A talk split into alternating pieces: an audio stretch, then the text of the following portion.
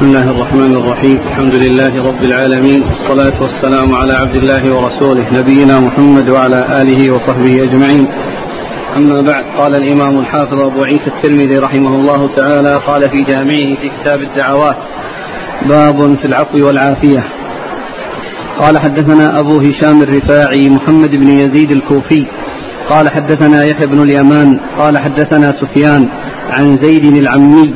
عن أبي إياس معاوية بن قرة عن أنس بن مالك رضي الله عنه أنه قال قال رسول الله صلى الله عليه وسلم الدعاء لا يرد بين الأذان والإقامة.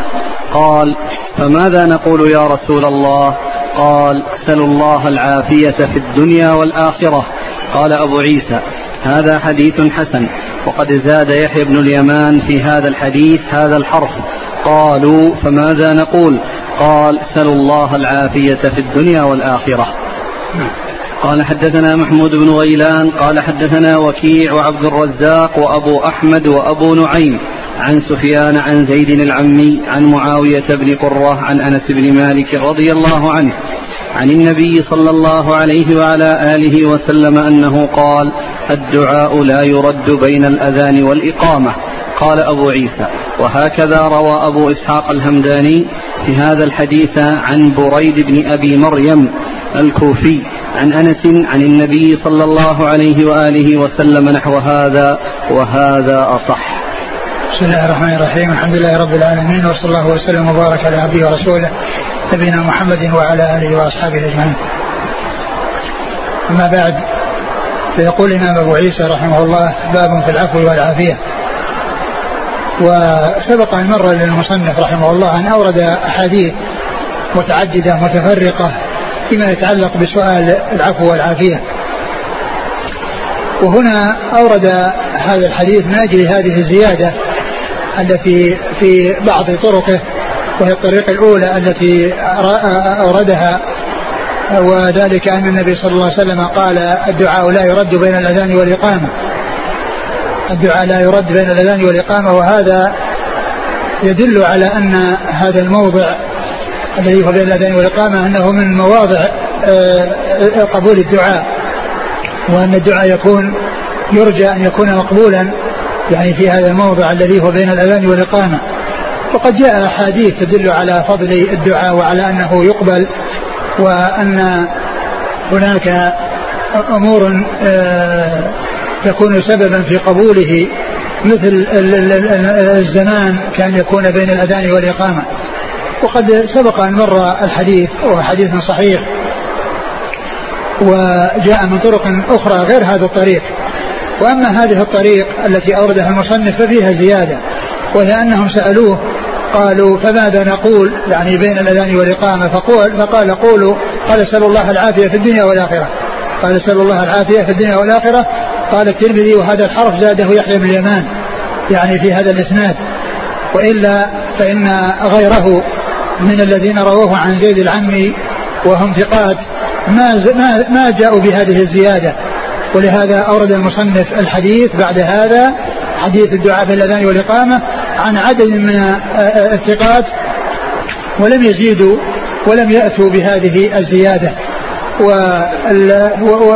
وسؤال العفو وسؤال العافية في الدنيا والآخرة جاء في أحاديث يعني مطلق بأنه يدعى بهذا الدعاء ولكن كونه يكون في هذا المكان وفي هذا الموضع إنما جاء في هذا الحديث والثقات الذين رووا الحديث غير يحيى ابن يمان ما زادوا هذه الزيادة. فتكون الحديث صحيح بدون هذه الزيادة وأنه لا يكون ثبت أنه يدعى بين الأذان وقام بهذا الدعاء بسبب هذا الحديث لأن فيه يحيى بن اليمان وهو متكلم فيه وفيه أيضا تلميذه أبو هشام الرفاعي وهو أيضا ليس بالقوي نعم. قال حدثنا أبو هشام الرفاعي محمد بن يزيد. هو ليس بالقوي أخرج له. مسلم والترمذي وابن ماجه. نعم. عن يحيى بن اليمان. وهو؟ صدوق يخطئ كثيرا. وله البخاري في المفرد ومسلم وأصحاب السنن. نعم. عن سفيان. وهو سفيان الثوري ثقة أخرجه أصحاب الكتب. عن زيد العمي. وهو؟ ضعيف وله أصحاب السنن. نعم. عن أبي إياس معاوية بن قرة. وهو؟ ثقة أخرجه أصحاب الكتب. نعم. عن أنس بن مالك. أنس بن مالك رضي الله عنه خادم الرسول صلى الله عليه وسلم. والحديث في إسناده آه، هؤلاء الثلاثة الذين هم زيد العمي و ويحيى بن يمان وأبو هشام الرفاعي. لكن آه، آه، أصله الذي هو الزيادة الذي بدون الزيادة هو ثابت. لهذا في الطريقة الثانية. الطريقة الثانية. قال حدثنا محمود بن غيلان. ثقة أخرج أصحاب الكتب. إلا أبا داود. إلا أبا داود نعم. عن وكيع. وكيع بن الجراح ثقة أخرج أصحاب الكتب. وعبد الرزاق. وعبد الرزاق بن همام الصنعاني ثقة أخرج أصحاب الكتب. وأبو أحمد.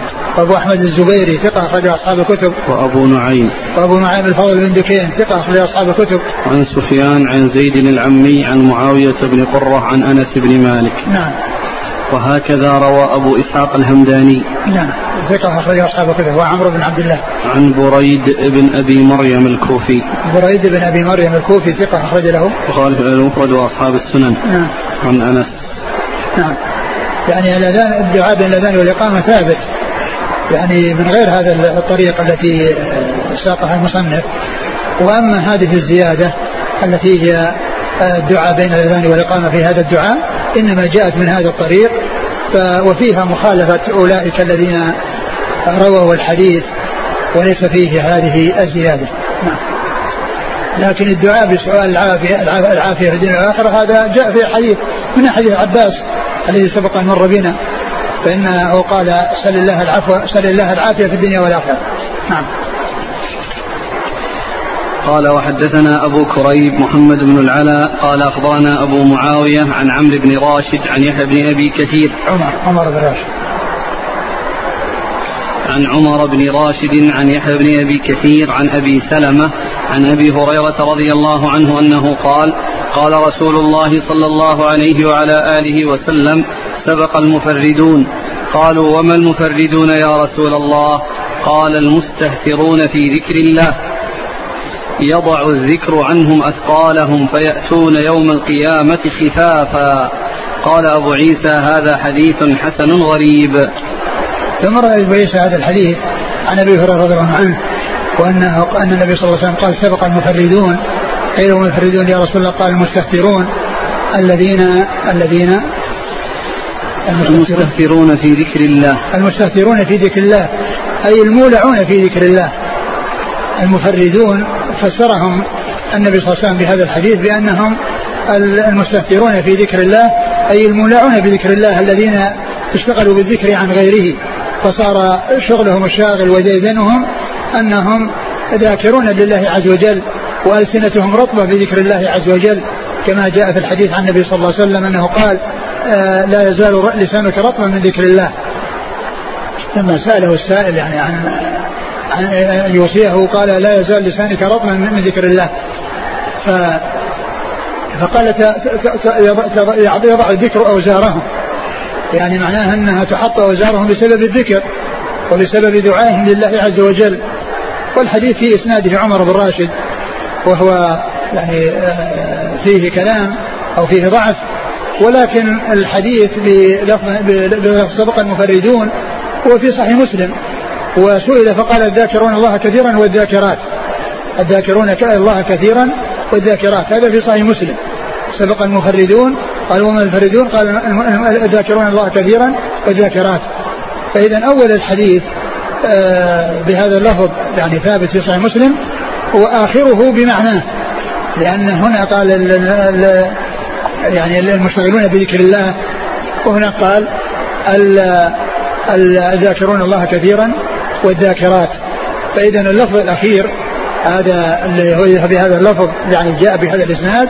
وأما أصل الذكر فإنه جاء في صحيح مسلم سبق المفردون. قالوا وما المفردون يا رسول الله؟ قال الذاكرون الله كثيرا والذاكرات نعم. قال حدثنا أبو كريم محمد بن العلاء ثقة أخرجه أصحاب الكتب. عن أبي معاوية محمد بن حازم الضرير الكوفي ثقة أخرجه أصحاب الكتب. عن عمر بن راشد وهو ضعيف غير الترمذي وابن ماجه. نعم. عن يحيى بن أبي كثير. وهو ثقة أخرجه أصحاب الكتب. عن أبي سلمة. بن عبد الرحمن بن عوف ثقة أخرجه أصحاب الكتب. عن أبي هريرة. نعم. والمستهتر هنا بمعنى المولع وهو في هذا الزمان يعني الاصطلاح فيه إنها يعني إنه يطلق على سوء وعلى ذنب اصطلاح الناس الاستهتار يعني الذي لا يبالي. في الأخلاق ولا يبالي في الاحتشام ولا يبالي هذا قال مستهتر. لكن معناه كما يعني جاء في هذا الحديث أو كما في كتب اللغة أنه المولع بالشيء المولع بالشيء. نعم. لكنه كما هو معلوم يكون قد يكون مولعا بخير وقد يكون مولعا بشر. فإذا كان مولعا بخير فهو محمود وإذا كان مولعا بشر فهو مذموم. قال حدثنا أبو كريب قال حدثنا أبو معاوية عن الأعمش عن أبي صالح عن أبي هريرة رضي الله عنه أنه قال قال رسول الله صلى الله عليه وعلى آله وسلم لأن أقول سبحان الله والحمد لله ولا إله إلا الله والله أكبر أحب إلي مما طلعت عليه الشمس. قال هذا حديث حسن صحيح. ثم ورد هذا الحديث عن أبي هريرة أن النبي صلى الله عليه وسلم قال لأن أقول سبحان الله والحمد لله ولا إله إلا الله والله أكبر. أحب إلي مما طلعت عليه الشمس وغربت. لا لا. في غربت؟ بس طلعت أحب إلي مما طلعت عليه الشمس. يعني هذا الذكر يدل على فضل هذا الذكر وهذه الكلمات التي هي أحب الكلام إلى الله كما جاء في حديث آخر. أحب الكلام إلى الله أربع. سبحان الله والحمد لله ولا إله إلا الله والله أكبر. قال أحب إلي ما طلعت عليه الشمس. أي أن أن قولها وما يترتب عليها من الثواب آه، أحب إليهم ما طلعت عليه الشمس. طلعت عليه الشمس يعني الدنيا. الشمس تطلع على الدنيا بكل ما فيها من نعيم وما فيها من متع فإن آه هذا هذا الذكر الذي ثوابه عظيم عند الله عز وجل أحب إليه وخير له مما طلعت عليه الشمس أي خير من الدنيا. يعني أن ما يحصل كونه يقول هذا الذكر ويحصل الثواب عليه وهو سهل يسير. لا يكلف الإنسان شيئا كلمات يسيرة يقولها الإنسان ويؤجر عليها فخير له من, من هذا الذي يؤجر عليه وهذا الذي يحصله بسبب هذا الذكر خير من الدنيا وما فيها. خير من الدنيا. وهذا مثل ما قال عليه الصلاة والسلام كلمتان حبيبتان حبيبتان على اللسان. ثقيلتان في الميزان حبيبتان للرحمن سبحان الله وبحمده سبحان الله العظيم. يعني أن شأن الذكر عظيم عند الله عز وجل. وما يحصله الإنسان في الدار الآخرة من من النعيم ومن الثواب على الأعمال الصالحة آه لا ليست الدنيا شيء بالنسبة لأقل القليل منه. ولهذا جاء في الحديث الصحيح لموضع صوت أحدكم في الجنة خير من الدنيا وما فيها. يعني موضع صوت في الجنة خير من الدنيا وما فيها نعم. قال حدثنا أبو كريب عن معاو... عن أبي معاوية عن الأعمش. الأعمش سليمان بن مهران الكائري ثقة أخرجه أصحاب الكتب. عن أبي صالح. أبو صالح ذكوان السمان ثقة أخرجه أصحاب الكتب. قال حدثنا أبو كريب قال حدثنا عبد الله بن نمير عن سعدان القمي عن أبي مجاهد عن أبي مدل القبي. ها؟ القبي. يقول كذا في النسخ الحاضرة بالقاف والميم.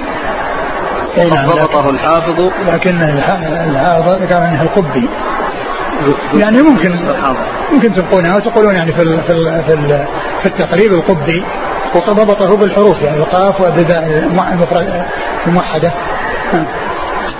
قال حدثنا أبو كريب قال حدثنا عبد الله بن نمير عن سعدان القبي عن أبي مجاهد عن دعوه لكن اكتبوا يعني في التقريب في التقريب القبي بالباء الموحدة. عن سعدان القمي عن أبي مجاهد عن أبي مدلة عن أبي هريرة رضي الله عنه أنه قال قال رسول الله صلى الله عليه وعلى آله وسلم ثلاثة لا ترد دعوتهم. الصائم حتى يفطر والإمام العادل ودعوة المظلوم يرفعها الله فوق الغمام ويفتح لها أبواب السماء ويقول الرب وعزتي لأنصرنك ولو بعد حين. قال أبو عيسى هذا حديث حسن وسعدان القمي هو سعدان سعدان بن بشر. وقد روى عنه عيسى بن يونس وأبو عاصم وغير واحد من كبار أهل الحديث. وأبو مجاهد هو هو سعد الطائي وأبو مدلة هو مولى أم المؤمنين عائشة وإنما نعرفه بهذا الحديث ويروى عنه هذا الحديث أتم من هذا وأطول. ثم ذكر أبو عيسى هذا الحديث آه، أوله. عن أبي هريرة صلى الله عليه وسلم ثلاثة لا ترد نعم ثلاثة لا ترد دعوتهم الصائم حتى يفطر والإمام العادل ودعوة ودعوة المظلوم آه، يرفعها الله فوق الغمام. يرفعها الله فوق الغمام يعني إنها ترفع إليه ويقول وعزتي لأنصرنك ولو بعد حين. نعم. نعم. لأنصرنك ولو بعد حين. دعوة المظلوم ثبتت في أحاديث كثيرة وأنها يعني آه، مستجابة وأنها تتقى. وقد جاء في حديث معاذ في وصيته النبي صلى الله عليه وسلم له لما بعث إلى اليمن قال واتق دعوة المظلوم فإنه ليس بينها وبين الله حجاب. وجاء كذلك في الصائم يعني آه ما يدل على أن دعوة مستجابة وكذلك جاء في المسافر. وأما بالنسبة للإمام العادل فقد جاء في هذا الحديث وهذا الحديث في إسناده ضعف. فيما يتعلق بالإمام العادل جاء من هذه الطريق وأما غيره فقد جاء من طرق أخرى وجاء المسافر. أيضا. وأما الإمام العادل فقد جاء في هذا الحديث الذي في إسناده ضعف. نعم. قال حدثنا أبو كريب نعم. عن عبد الله بن نمير ثقة أخرجه أصحاب الكتب. عن سعدان القمي وهو صدوق رجل البخاري والترمذي وابن ماجه. نعم. عن أبي مجاهد. وهو لا بأس به رجل نعم. البخاري وأبو داود والترمذي وابن ماجه. نعم. عن أبي مدلة. وهو مقبول. رجل الترمذي وابن ماجه. نعم. عن أبي هريرة. نعم. هنا يعني تختلف الروايات أو الألفاظ. يعني في النسخة الصائم حتى يفطر. آه، في الشرح الصائم حين يفطر. يترتب عليها شيخ مسألة. والله هو هو الذي ورد بالنسبة للصائم يعني عند فطره ورد ان الصائم عند فطره دعوة لا ترد يعني كلمة حين يفطر حين يفطر هذه هي التي يعني وجد يعني ما يشهد لها. وأما حتى يفطر يعني إنه من أول النهار إلى اخره يعني من حيث إنه يعني كان صائم يعني هذه آه، يكون المعنى عام. لكن لا أدري هل هل ورد حديث آخر يعني في في الصائم على الإطلاق لكن آه، أما حين يفطر هذه جاء يعني في فيما يتعلق عند فطره نعم جاء. قال حدثنا أبو كريب قال حدثنا عبد الله بن نمير عن موسى بن عبيدة عن محمد بن ثابت عن أبي هريرة رضي الله عنه أنه قال قال رسول الله صلى الله عليه وعلى آله وسلم اللهم انفعني بما علمتني وعلمني ما ينفعني وزدني علما. الحمد لله على كل حال وأعوذ بالله من حال أهل النار. قال هذا حديث حسن غريب من هذا الوجه. ثم ذكر أبو عيسى هذا الحديث أن النبي صلى الله عليه وسلم قال اللهم انفعني بما اللهم انفعني بما علمتني و وعلمني ما ينفعني. وألهمني ما ينفعني وعلمني, وعلمني ما ينفعني وزدني علما. وزدني علما. والحمد لله على كل حال ونعوذ بالله من حال أهل النار. ففي هذا الحديث كون الإنسان يسأل الله عز وجل أن ينفعه بما علمه وأن يزيده من العلم وأن يزيده من العلم. والثالثة؟ الحمد لله على كل حال و... وزدني. اللهم انفعني بما علمتني وعلمني ما نعم. ينفعني وعلمني اللهم اللهم وعلمني ما ينفعني وزدني علما. وثم يحمد الله عز وجل على كل حال والله تعالى هو الذي يحمد على كل حال ويعوذ بالله من من حال أهل النار. والحديث الألباني أشار إلى آه، تحسين أوله دون آخره. والإسناد يعني فيه آه، ضعفاء ولا أدري يعني إيش وجه التحسين لأوله. يعني هل له شواهد في هذا؟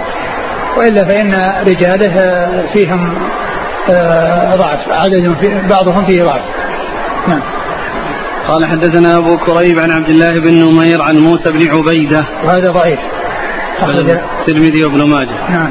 عن محمد بن ثابت. وهو؟ مجهول. وله نعم. الترمذي وابن ماجه. نعم. عن أبي هريرة. نعم. قال رحمه الله تعالى باب ما جاء إن لله ملائكة سياحين في الأرض. قال حدثنا أبو كريب قال حدثنا أبو معاوية عن الأعمش عن أبي صالح عن أبي هريرة و عن أبي هريرة أو عن أبي سعيد رضي الله عنهما أنهما قالا قال رسول الله صلى الله عليه وعلى آله وسلم إن لله ملائكة سياحين في الأرض فضلا عن كتاب الناس. فإذا وجدوا أقواما يذكرون الله تنادوا هلموا إلى بغيتكم فيجيئون فيحفون بهم إلى إلى سماء الدنيا إلى سماء الدنيا. فيقول الله على أي شيء تركتم عبادي يصنعون؟ فيقولون تركناهم يحمدونك ويمجدونك ويذكرونك. قال فيقول فهل رأوني؟ فيقولون لا. قال فيقول فكيف لو رأوني؟ قال فيقولون لو رأوك لكانوا أشد تحميدا وأشد تمجيدا وأشد لك ذكرا. قال فيقول وأي شيء يطلبون؟ قال فيقولون يطلبون الجنة. قال فيقول وهل رأوها؟ قال فيقولون لا. فيقول فكيف لو رأوها؟ قال فيقولون لو رأوها كانوا لها أشد طلبا وأشد عليها حرصا. قال فيقول من أي شيء يتعوذون؟ قالوا يتعوذون من النار. قال فيقول وهل رأوها؟ فيقولون لا. فيقول فكيف لو رأوها؟ فيقولون لو رأوها كانوا منها أشد هربا وأشد منها خوفا. وأشد منها تعوذا. قال فيقول فإني أشهدكم أني قد غفرت لهم. فيقولون إن فيهم فلانا الخطاء لم يردهم إنما جاءهم لحاجة. فيقول هم القوم لا يشقى لهم جليس. قال أبو عيسى هذا حديث حسن صحيح وقد روي عن أبي هريرة من غير هذا الوجه. ثم روي أبو عيسى هذا الحديث في قال باب في أن لله ملائكة سياحين وأورد هذا الحديث عن أبي هريرة أن النبي صلى الله عليه وسلم قال إن لله ملائكة سياحين.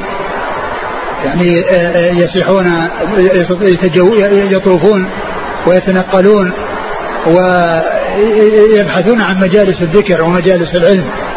يبحثون عن مجالس الذكر.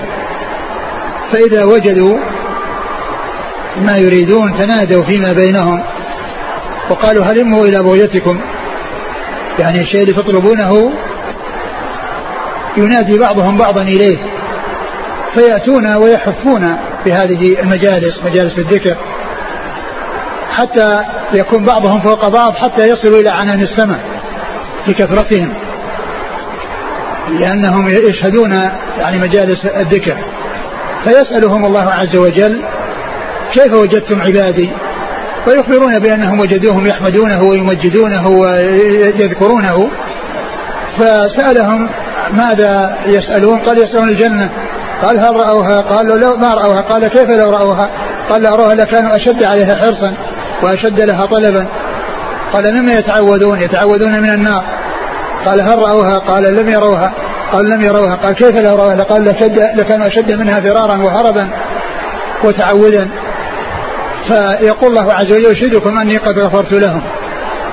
فيقول يقولون أن فيهم فلانا جاء لحاجة أو مر بهم وجلس معهم وما كان جاء قاصدا أن يكون معهم ولكنه مر بهم فجلس معهم. قال هم القوم لا يشقى بهم جليسهم.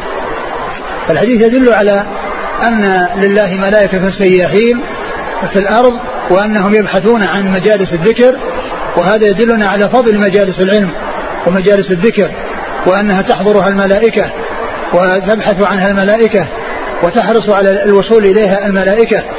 وفيه أيضا أن الملائكة لا يعلمون الغيب لأنهم لا يعرفون يعني هذه المجالس إلا إذا وصلوا إليها. هذه المجالس إذا وصلوا إليها وجدوها وهم يطوفون يبحثون عن المجالس. فلو كان عندهم علم لقصدوا المكان الذي فيه المجالس. وهنا في الحديث يقول إنهم يتنادون. إذا عثروا على الشيء الذي فيه بغيتهم ووصلوا إلى الشيء الذي بغيتهم ينادي بعضهم بعضا هلموا إلى بغيتكم فقد وصلتم أو وجدتم الشيء الذي تريدونه. فيركب بعضهم على بعض لكثرتهم حتى يصلوا إلى عنان السماء. وهذا يدلنا على على على أن الملائكة لا يعلمون الغيب. وعلى أنهم يحضرون مجالس الذكر وأن مجالس الذكر شأنها عظيم لأنها تحضرها الملائكة بخلاف مجالس الخنا والفجور والسوء فإنها تحضرها الشياطين. تحضرها الشياطين. فالملائكة تحضر مجالس الخير والشياطين تحضر مجالس الشر ومجالس السوء والفسوق والخنا والفجور. ثم إن سؤال الله عز وجل لهم في الأول عن ما يسألون وعما يخشون وأنهم يسألون الجنة ويخافون من النار وأنهم لا رأوا الجنة لكانوا أشد عليها حرصا وأشد لها طلبا ولا رأوا النار لكانوا أشد منها فرارا وأشد منها هربا وأشد منها تعودا ثم يقول الله عز وجل للملائكة يشهدكم أني قد غفرت لهم. هذا فيه بيان عظيم شأن آه، الذاكرين لله عز وجل وأن الملائكة آه، تذكر ما شاهدته لربهم وأن الله عز وجل يسألهم وهو, وهو, وهو عالم بكل شيء ولا يخفى عليه خافية. ولكن هذه الأسئلة من أجل أن أن يتضح للملائكة أن هؤلاء القوم الذين آه آه الذين هم صالحون من البشر والذين يتقربون إلى الله عز وجل بالأعمال الصالحة ويذكرون الله عز وجل أن الله تعالى يثيبهم وأن لهم الأجر العظيم عند الله عز وجل وذلك أنهم ركبت فيهم الشهوات ومع ذلك يتغلبون عليها ويجتهدون في طاعة الله عز وجل. وهذا بخلاف الملائكة الذين فطروا على على على على العبادة وعلى الاستقامة. وليس عندهم ما عند البشر. من العوارض ومن الشهوات فلما كانوا آه، خافوا الله عز وجل وتركوا الشيء تميل اليه نفوسهم رغبة في ثواب الله وخشية من عقاب الله عز وجل فإن الله عز وجل أثنى عليهم عند الملائكة وسأل هذه الأسئلة ليظهر للملائكة آآ آآ ما يقومون به من عمل وما يستقيمون وما يؤدونه من أعمال صالحة وما يبتعدون عنه من أمور محرمة يرجون ثواب الله ويخشون عقابه فيكون في ذلك بيان شرفهم عند الملائكة وبيان عظيم منزلتهم عند الملائكة. وإلا فإن الله عز وجل عالم بكل شيء ولا يخفى عليه خافية لكن هذه الأسئلة لبيان آه، منزلة هؤلاء وليعلم الملائكة أن هؤلاء الذين ركبت فيهم الشهوات أنهم تغلبوا على شهواتهم واستقاموا على طاعة الله عز وجل وأنهم حصلوا آه، مغفرة الله عز وجل وأجره وثوابه. ثم إن قول الملائكة أن فيهم فلان جاء لحاجة يعني ما كان جاء ليشاركهم وإنما جاء لحاجة إما كونه يبحث عن أحد آه، أو أنه يريد أحدا آه، يريد أن يصل إليه من هؤلاء الحاضرين. فجلس معهم فقال هم القوم لا يشقى بهم جليسهم. وهذا يدلنا على فضل جلساء الخير وأن الجليس الصالح ينفع جليسه ويستفيد منه جليسه بخلاف جليس السوء الذي يتضرر به جليسه. ف فهؤلاء استفادوا فهذا استفاد لأنه آه، آه، جاء وشارك. وإن لم يكن جاء أصلا وقصد أنه يحضر ولكنه لما رآهم جاء إليهم وجلس معهم وقد جاء لحاجة وفضل الله واسع وكرمه عميم سبحانه وتعالى ولهذا قال هم القوم لا يشقى بهم جليسهم وواضح الدلالة على فضل جلساء الجلساء الصالحين وأن مجالستهم فيها الخير وفيها الفائدة بخلاف مجالسة آه، آه، جلساء السوء فإنها فيها العطب وفيها الضرر. نعم. قال حدثنا أبو كريب عن أبي معاوية عن الأعمش عن أبي صالح عن أبي هريرة أو عن أبي سعيد. أبو سعيد الخدري رضي الله عنه سعد بن مالك بن سنان آه، من المكثرين من حديث رسول الله صلى الله عليه وسلم. فضلا عن كتاب الناس. فضلا يعني أن هؤلاء غير الكتاب لأن فيه كتاب يكتبون الحسنات والسيئات وفيه موكلون بالحفظ يعني فهؤلاء مهمتهم أنهم يتجولون يبحثون عن مجالس الذكر. وأما غيرهم من الملائكة ففيهم الموكلون بالحفظ وفيهم موكلون بالكتابة وفيهم موكلون بأعمال أخرى.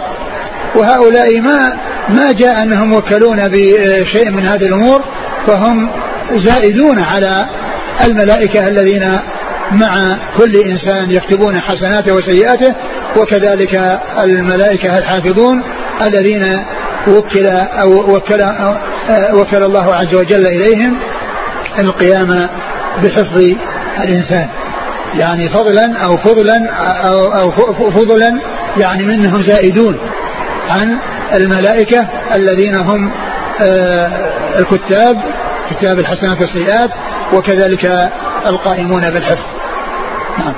قال رحمه الله تعالى باب فضل لا حول ولا قوة إلا بالله.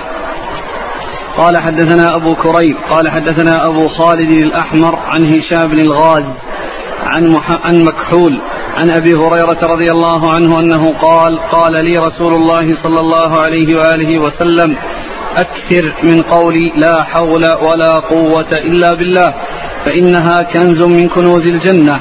قال مكحول فمن قال لا حول ولا قوة إلا بالله ولا منجى من الله إلا إليه كشف عنه سبعين بابا من الضر أدناهن الفقر. قال أبو عيسى ليس إسناده بمتصل مكحول لم يسمع من أبي هريرة. ثم أبو عيسى هذا الحديث في فضل لا حول ولا قوة إلا بالله. وقد مر بنا قريبا أيضا باب في فضل لا, لا, لا حول ولا قوة إلا بالله وأنها باب من أبواب الجنة.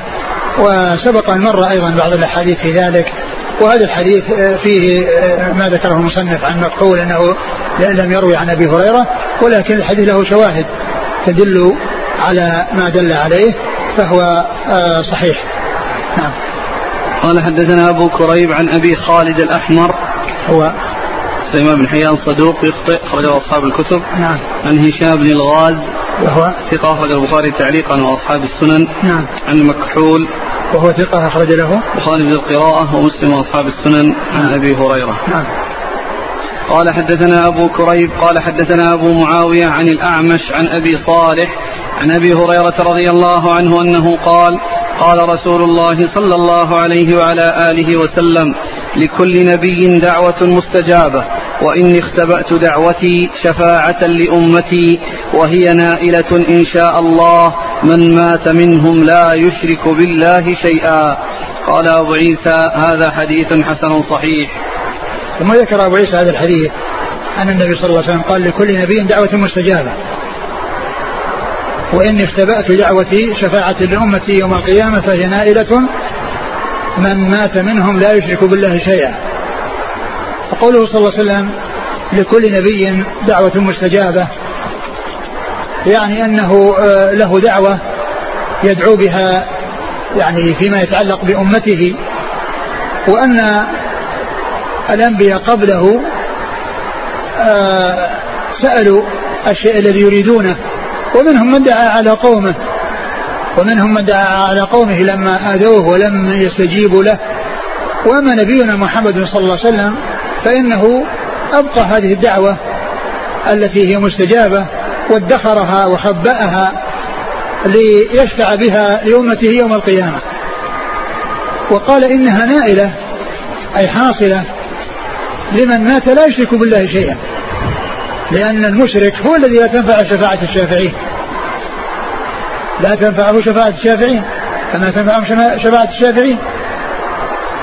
ف والمقصود من ذلك الشفاعة في الإخراج من النار.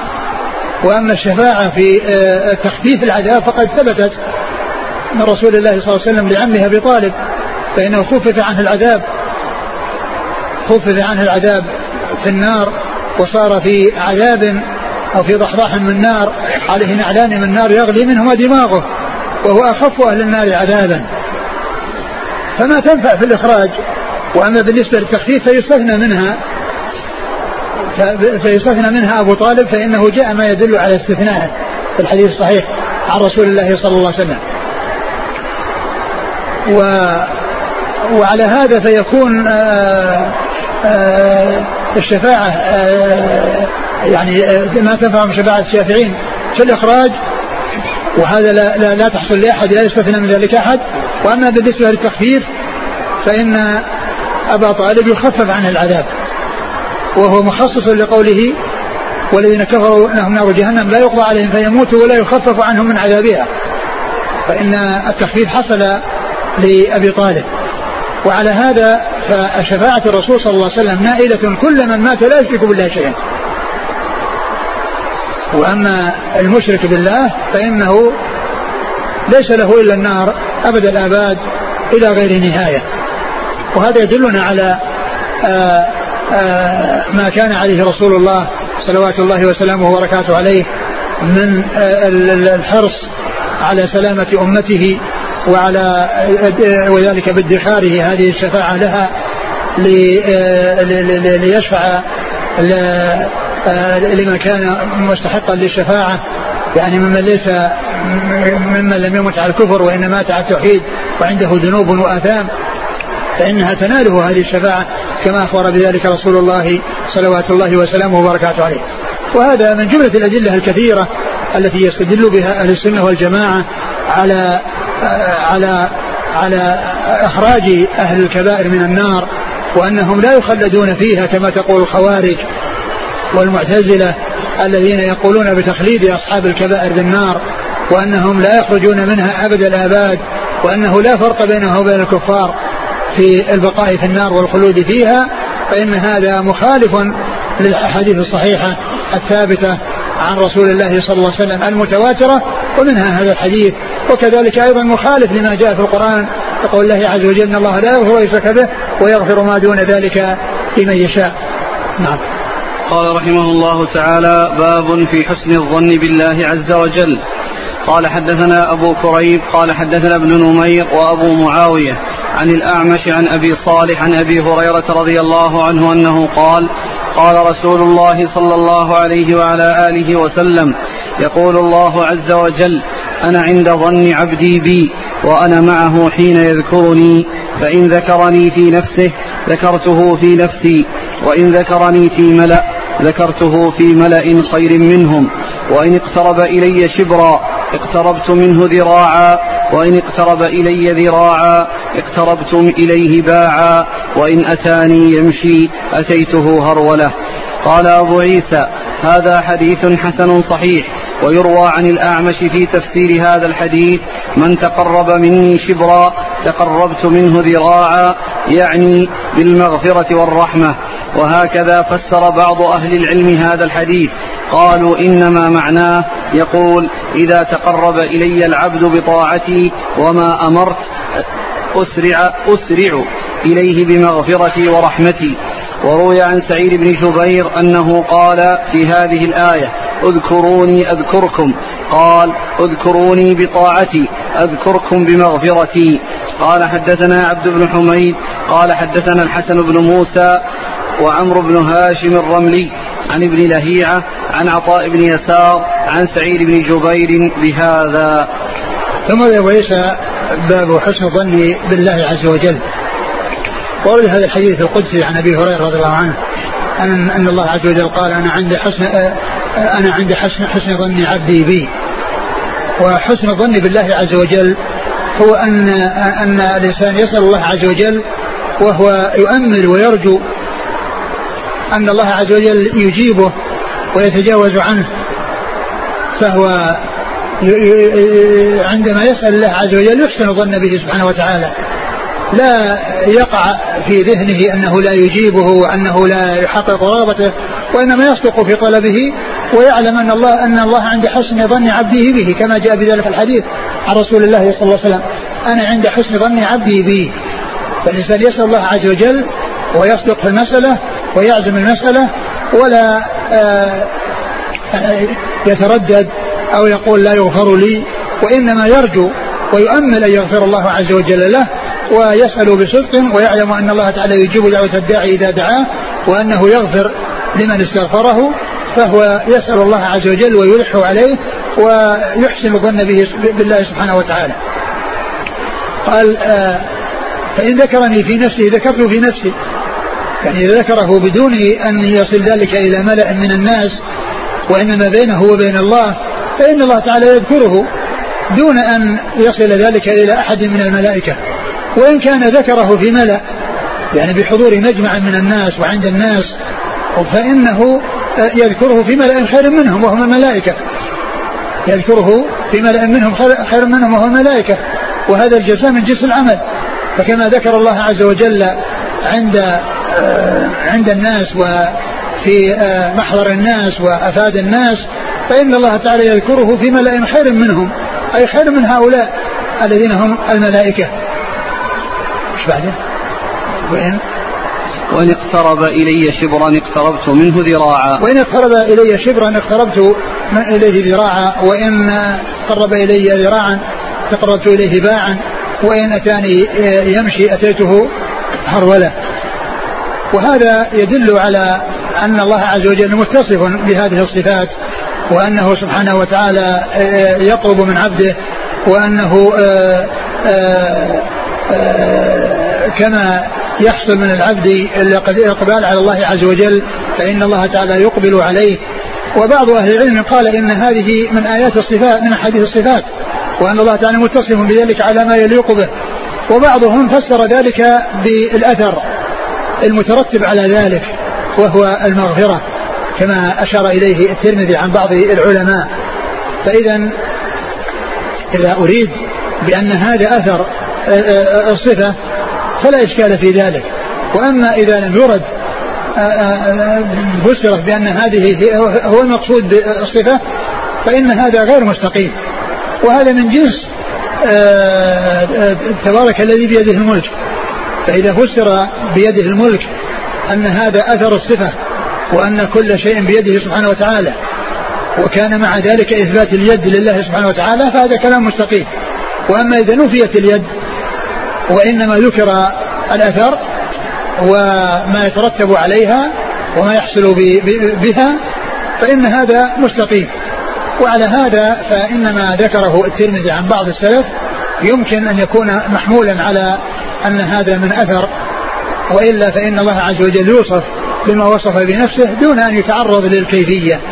ولهذا الشارح رحمه الله ذكر طريقة السلف وذكر كلام الترمذي الذي تقدم عند في كتاب الزكاة عند عند أخذ الله عز وجل الصدقة في يده وأنه يربيها وينميها لصاحبها. وقال إن, إن, إن, أن طريقة السلف وطريقة العلماء وذكر جماعة منهم هي أنهم يأتون بها ويمرونها كما جاءت مع الاعتراف بما تدل عليه من حيث اللغة. نعم. قال حدثنا أبو كريب عن ابن نمير وأبي معاوية عن الأعمش عن أبي صالح عن أبي هريرة. قال حدثنا عبد بن حميد عبد بن حميد ثقة أخرج له البخاري تعليقا و مسلم والترمذي. نعم. عن الحسن بن موسى وهو؟ ثقة أخرج أصحاب الكتب. عن؟ وعمرو بن هاشم الرملي وهو؟ صدوق يخطئ. نعم. لكن رمز له بقاف نعم. لأن هذا الحديث هذا هذا لا يوجد في بعض في النسخ وإنما يوجد في هذه النسخة. لا يوجد في النسخ الأخرى هذا الأثر وإنما يوجد في النسخ الأخرى. كما أن المزي لم يذكره في تحفة يعني الأشراف. نعم. يعني ما ذكر هنا لم يذكر في النسخة لا لا في الأشراف ولا في غيرها وإنما جاء في هذه النسخة فكونه يعني يعني معناه أنه ليس ليس من رجال الترمذي. نعم. ابن ماجه عن ابن لهيعة. عبد الله بن لهيعة وهو صدوق اختلط وحديثه أخرجه مسلم وأبو داود والترمذي وابن ماجه. نعم. عن عطاء بن يسار وهو ثقة أخرج أصحاب الكتب. عن سعيد بن جبير. عن سعيد بن جبير آه، ثقة أخرج أصحاب الكتب. وهذا الأثر عنه هذا الأثر عنه وقد جاء في هذه النسخة وفيه باللهيعة قال رحمه الله تعالى باب في الاستعاذة. قال حدثنا أبو كريب. والله تعالى أعلم وصلى الله وسلم وبارك على عبده ورسوله نبينا محمد وعلى آله وأصحابه أجمعين. بعد هذا الحديث الذي سيأتي في الاستعاذة عدة أحاديث سقطت من هذه النسخة وهي تسعة أحاديث موجودة في تحفة الأشراف وموجودة في نسخة الشارح وموجودة في آه، نسخة الشيخ ناصر ولكنها غير موجودة في هذه النسخة. فالمناسب أنها تصور وتكون يعني معكم في الدرس القادم وتصور نسخة الشيخ ناصر وندرسها إن شاء الله مع هذا الحديث وهي من الحديث الذي بعد هذا إلى كتاب إلى كتاب المناقب. تسعة أحاديث. لا لا توجد في هذه النسخة وتوجد في نسخة الشارح وفي تحفة الأشراف. وهذا آه، يعني آه، كان المضطرد والغالب فيما مضى أن هذه النسخة يكون فيها زيادات لا توجد في غيرها. وفي هذا الموضع صار فيها النقص. وفي هذا صار فيها النقص. مع وجود هذا الناقص فيها في غيرها.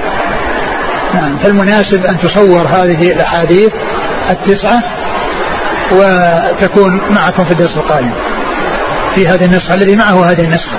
وأما النسخ الأخرى فإنه موجود فيها موجود في نسخة الشارح وموجود في نسخة الشيخ ناصر والله تعالى أعلم وصلى الله وسلم وبارك على عبده ورسوله نبينا محمد وعلى آله وأصحابه أجمعين.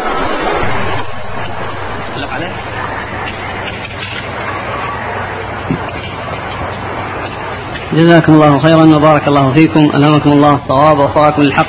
نفعنا الله بما سمعنا وغفر الله لنا ولكم وللمسلمين أجمعين. آمين.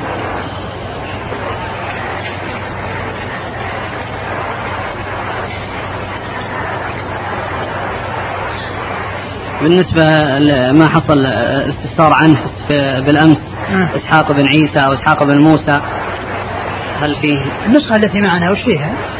معنا اللي نقرأ فيها إسحاق بن عيسى. اللي معنا. وأنا صححتها من الشارح ومن نسخة الشيخ ناصر أن إسحاق بن موسى. لكن نسختنا اللي معنا وش فيها؟ إسحاق بن عيسى. يعني فيها بن عيسى. نعم وتحفة الأشراف إسحاق بن عيسى. نعم. والنسخ الأخرى فيها بن موسى. إي حتى بشار. لكن نسختنا فيها عيسى. نعم. نعم. الأخ عبد الرحمن العميتاني يقول في البحث الكمبيوتر إسحاق بن موسى لا يروي عنه الترمذي إلا مباشرة. ما يروي عنه بواسطه إيه؟ آه هنا إفادة من تهذيب الكمال لأن الأمس كان النقل عن تهذيب التهذيب. نعم. تعلمون أنه يختصر في الرواة إيه نعم اختصار نعم. آه تهذيب الكمال فيه بيان أن إسحاق بن عيسى بن نجيح الطباع يروي عن معن بن عيسى ويروي عنه عبد الله بن عبد الرحمن الدارمي. إيه؟ فيكون موافق. أما إسحاق بن موسى فإنه يروي عن معن بن عيسى ولكن لم يذكره المزي أنه يروي عنه الدارمي. هو ليس ببعيد. لأن آه لأن آه، إسحاق بن موسى من الطبقة العاشرة وهو مر بنا كثيرا كونه يروي عنه آه، الترمذي. وأما إسحاق بن عيسى فإنه في الطبقة التاسعة وهي طبقة شيوخ شيوخ الترمذي. ثم كونه في تحت الأشراف يعني هذا يبين يعني يبين أن, أن, أن, أن هذا هو الصواب يعني وأنه الأقرب إلى الصحة. وأيضا كذلك ما كونه يعني ذكر في تلاميذ يعني آه، آه، شيخ يعني إسحاق بن عيسى وتلميذه وان هذا يروي عن وأنه يروي عن يروي عن عبد الله بن عبد الرحمن الدارمي وهو يروي عن عن عن من؟ يروي عن معنى عن معنى بن عيسى نعم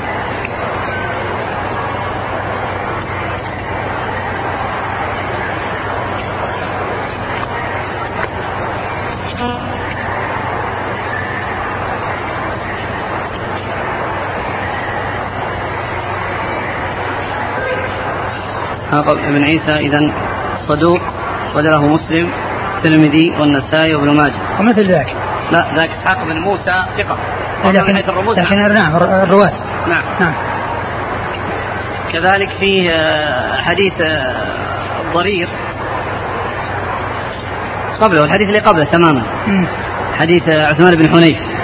إيه. عن شعبة عن أبي جعفر عن عمارة بن خزيمة بن ثابت. نعم. النسخة اللي معنا قال لا نعرفه إلا من هذا الوجه من حديث أبي جعفر هو الخطمي. نعم. في الشرح هو غير الخطمي. في نسخة الشيخ الألباني هو الخطمي. إيه. آه، في الشرح بين أن المسألة فيها خلاف بين أهل العلم. يعني هل هو خطمي أو غير خطمي؟ إذا كان الخطمي فهو صدوق أخرجه أصحاب السنن أما إذا كان كما ذكر أنه أبو جعفر الرازي فهو صدوق سيء الحفظ نعم. كلام الشارح لما جاء كأن نقل عن شيخ الإسلام يعني شيخ الإسلام كأنه يميل إلى أنه الخطمي لكن النقل عنه من كتاب التوسل وسيلة غير آه يعني واضح حيث يقول من حديث أبي جعفر وهو غير الخطمي قال الإمام ابن تيمية هكذا وقع في الترمذي.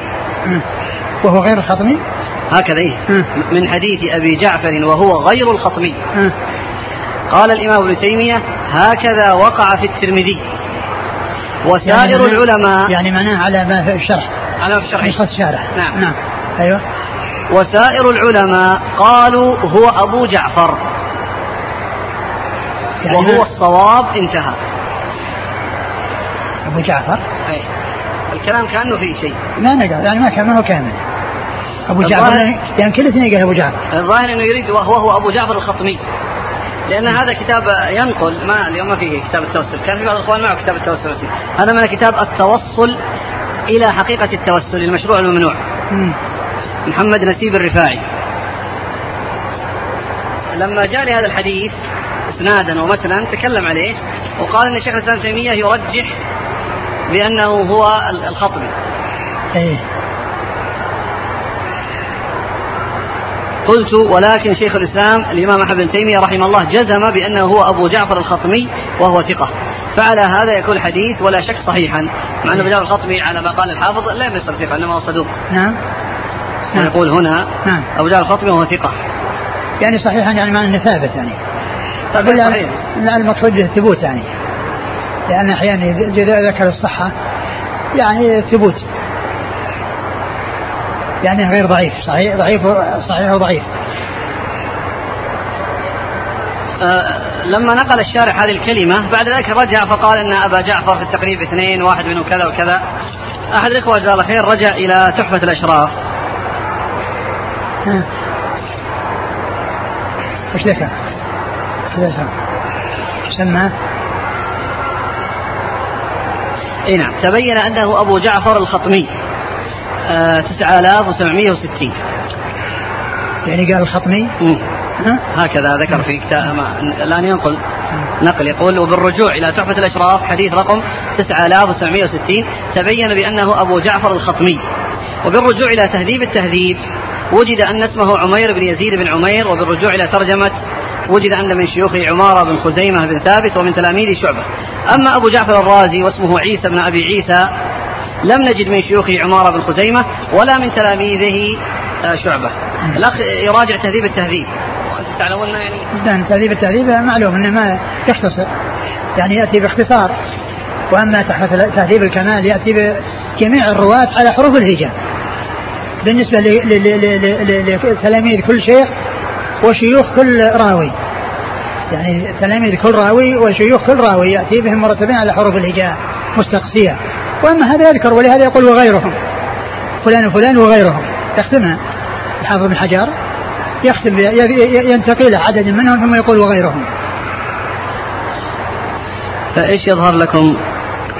والله يظهر من هذا الكلام الذي ذكر أنها كما في صحيح الأشراف وكما ذكر شيخ الإسلام وكما هو موجود في نسخة الشارح إن هذا هو الصواب.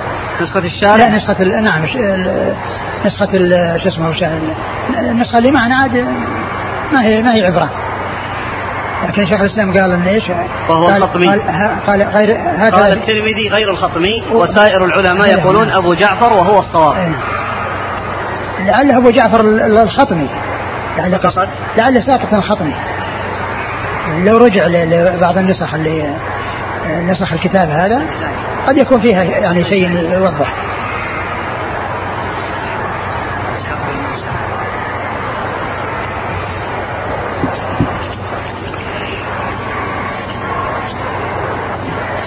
يقول شيخنا الفاضل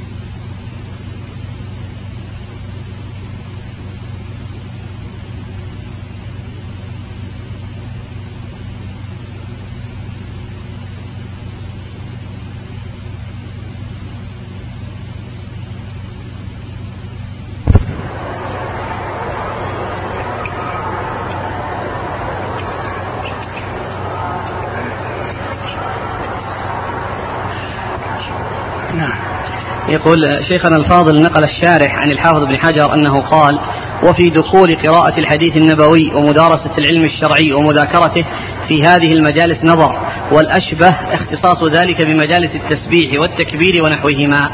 فما تعليقكم على هذا الكلام؟ بارك الله فيكم. والله فيه قول آخر. يعني في قول آخر أظن العيني. قول آخر بعده.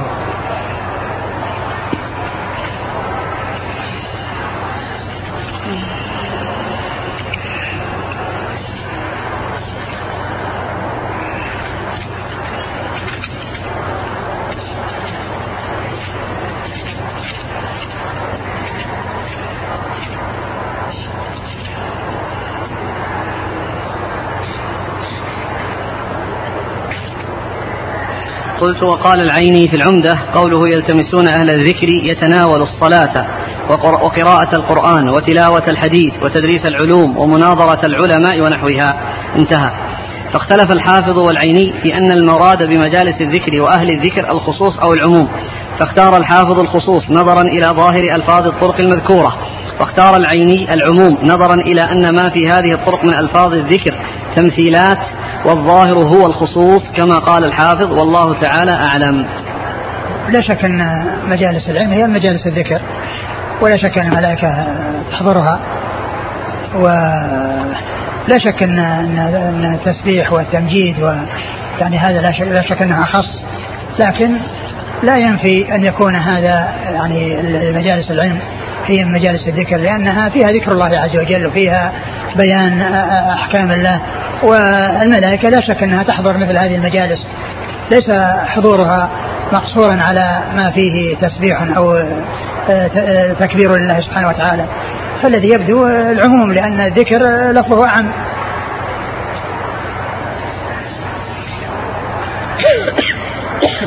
بالأمس السؤال عن الذكر. الله أكبر كبيرا الحمد لله كثيرا. نعم.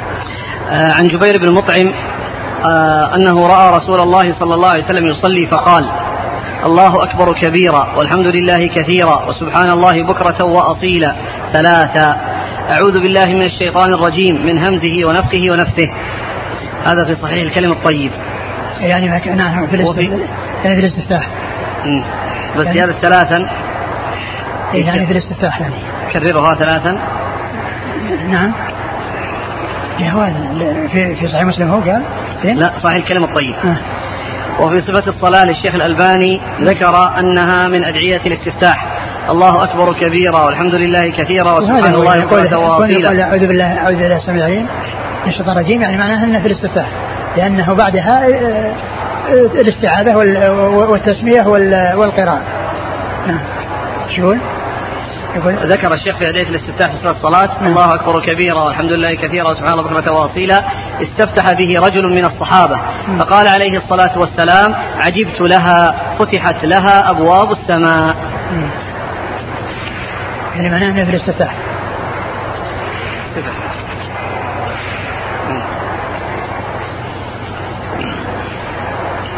يعني معناه جاء عن النبي صلى الله عليه وسلم و يعني من من قوله الأول. كان يقول؟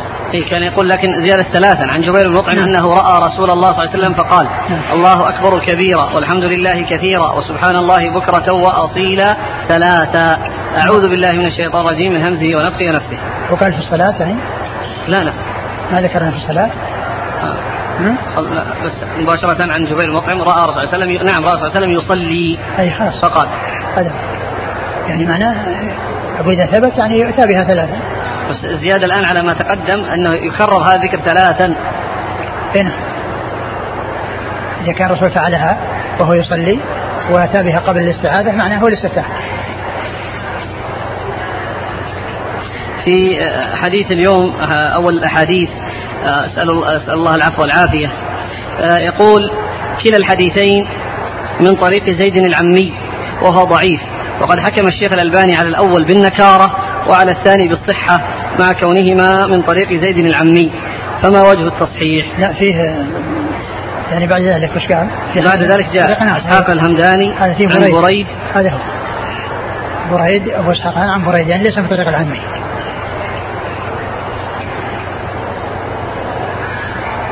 يقول فضيلة الشيخ هل الإنسان يؤجر إذا كان يذكر الله ولا يفهم المعنى لا شك أنه يؤجر.